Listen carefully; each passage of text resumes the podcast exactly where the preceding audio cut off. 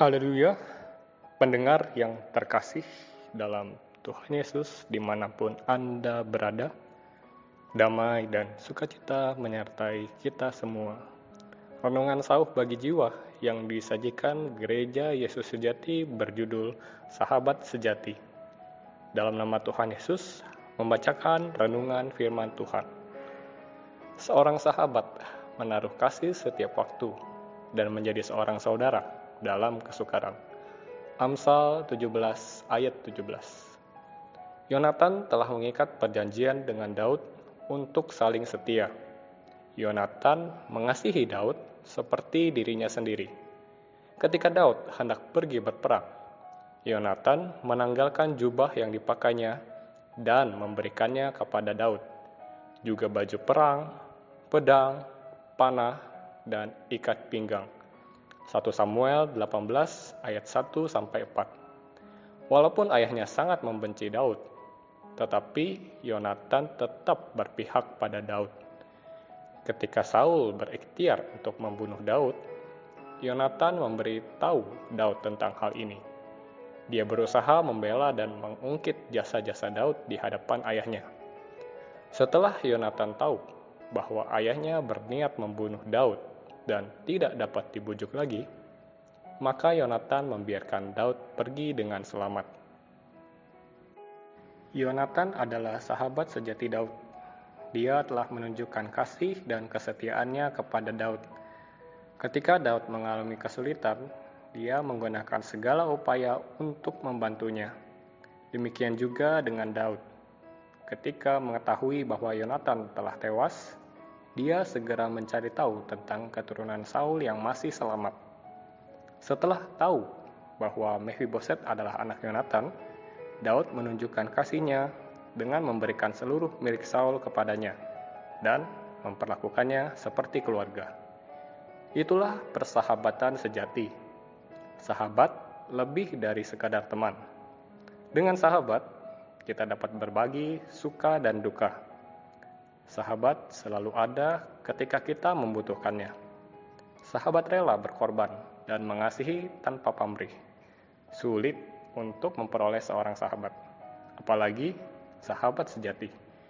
Jika kita belum memiliki seorang sahabat, janganlah berkecil hati, sebab sesungguhnya kita telah memiliki sahabat yang sejati. Hanya mungkin kita belum menyadarinya. Yesuslah sahabat sejati kita. Dialah sahabat kita yang paling baik dan setia.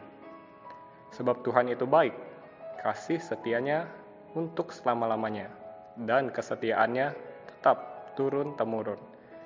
Mazmur 100 ayat 5 Demi menebus dosa-dosa kita, dia rela berkorban mati di atas kayu salib. Tidak ada kasih yang lebih besar daripada kasih seorang yang memberikan nyawanya untuk sahabat-sahabatnya.